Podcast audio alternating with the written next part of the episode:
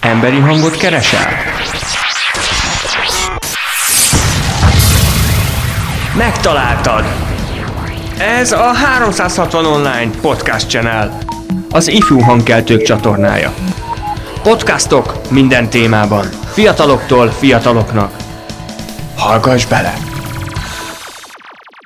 Sziasztok! Ebben a podcastban Pisz Roland képregény alkotóval beszélgetek legújabb képregényéről, ami 2020 nyarán jelent meg. Hogyan született meg ez a rész?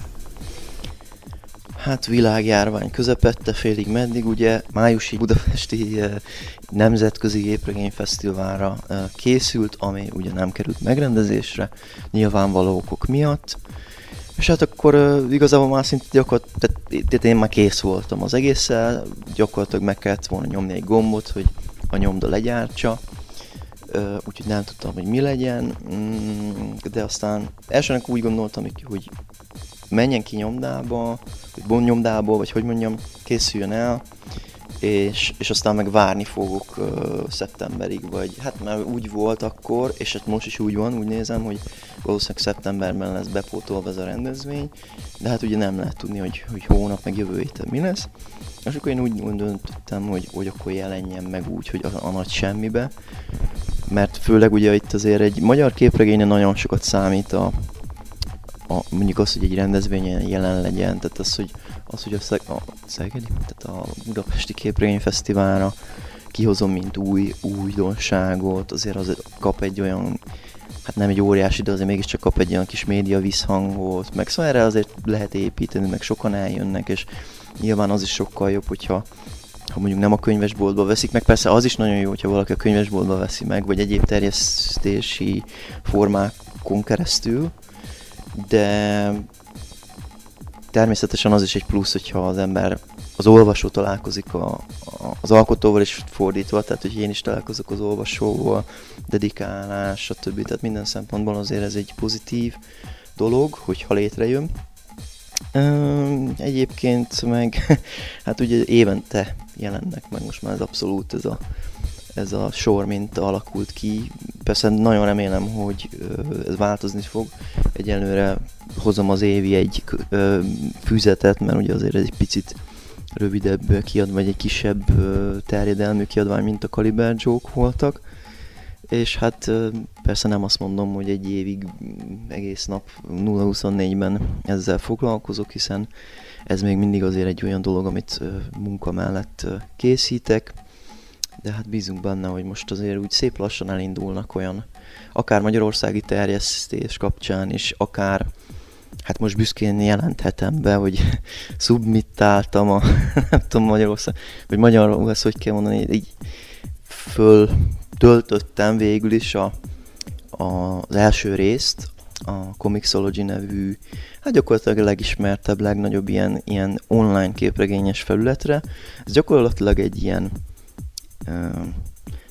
ez az Amazonnak, ugye ami egy ilyen online piac térnek nevezhető dolog, ez az Amazonnak egy ilyen aloldala, vagy hát egy ilyen az Amazon által, vagy tulajdonában lévő képregényes oldal, ahol az összes nagy kiadó, összes közepes vagy kis kiadós cucc is fönn van, megvásárolható digitálisan, és hát, és hát a függetlenek, vagy úgymond a, a tényleg az egészen kicsik is föltölthetnek, aztán utána persze már a szerzőkön vagy a kiadókon múlik, hogy azt mennyire, meg hát nyilván az anyagon múlik, hogy mennyire tud esetleg azt majd profitálni belőle, úgyhogy most izgalmas időket élünk, mert gyakorlatilag az első olyan ö, nemzetközi mm, esély arra, hogy most megmutatkozzon a képregényem, így, így a pályafutásom során, úgyhogy ez egy, ez egy nagyon izgalmas dolog most. Kicsit tudsz arról mesélni, hogy miről szól újabb képregény? Hát ez most egy ilyen kis, hát hogyha ha nagyon mostohán akarnék bánni a saját képregényemmel. Ez most egy picit ilyen töltelék rész, bár nem feltétlenül pejoratív dolog ez. Most ugye a második résznél ott hagytuk abba, hogy a főhősünk egy ilyen, hát nem lakatlan, de egy ilyen eltűnt, egy ilyen titkos szigeten lett fogoly, és És hát most az egész uh, harmadik rész, ugye aminek a címe az, hogy szökésben, hát nyilvánvalóan erre utal, hogy hogyan menekülnek meg hőseink idézőjelben, mert ugye uh-huh. gyakorlatilag egy hősünk van, és hát a második rész végén úgy néz ki, hogy mindenki ellene fordult valamilyen szinten. Hát igen, ez a hányatatott sors jellemzi általában a figuráimat, ez biztos valamilyen belső indítatású ilyen dolog, hogy, hogy szegény figuráimat mindig nagyon-nagyon leamortizálom a sztorik végére. Tehát gyakorlatilag összefognak a K, a, aki a főősünk, tehát X, vagy Jorn kér a számomra, vagyis YKX, összefog ezzel a hölgyel, meg az a három zsoldossal, akik egyébként ugyanúgy a, a, a hölgy meg a megmentésére indultak, összefognak, és együtt próbálnak meg menekülni erről a, hát erről a rejtelmes szigetről. És hát azt nem mondom el, hogy sikerül-e vagy nem. De az, igen, és hát ez egy teljesen egy ilyen dzsungel kaland, annak minden ilyen, ilyen elemével, tehát vannak benne hát ilyen nagy, nagy kirándulások a zöldben, meg, meg a dzsungelből előbukkanó világító szemek, amihez amihez óriási nagy szörnytest is párosul. És hát, és hát a végén egy ilyen újabb fordulatot kap a sztori, tehát ez mindig benne van ezek a kis cliffhangerök, hogy hoppá, úgy van vége mindig a sztorinak, hogy az ember egyben egy nagy kérdőjel alakuljon ki, hogy, hogy na vajon mi lesz ebből, mi lesz a folytatás. Úgyhogy most én nagyon izgatott vagyok, hogy a folytatás is végre. Hát már elkezdtem, most már, most már az írás layoutozás fázisában van a dolog, illetve hát nagyjából meg van írva a történet, úgyhogy hát jó lenne, hogyha egy évnél hamarabb kijönne. Ez a negyedik rész. És ezt mennyi idő alatt készítetted el? Mert mondtad, hogy sokkal rövidebb, és valamennyivel rövidebb, mint a többi rész hogy rövidebb idő alatt is készítetted el? E, igazából a, az, az X képregények, tehát ezek a füzetek rövidebbek, mint a Kaliberből egy sztori volt. A, ebből a sorozatból ez a, ez a, ez a közepes terjedelmű, mert az első volt, nem is tudom mennyi, szóval 26 oldal, a második 22, ez meg 24 oldalas, tehát ilyen szempontból nagyjából egy forma, szóval egyforma terjedelműek.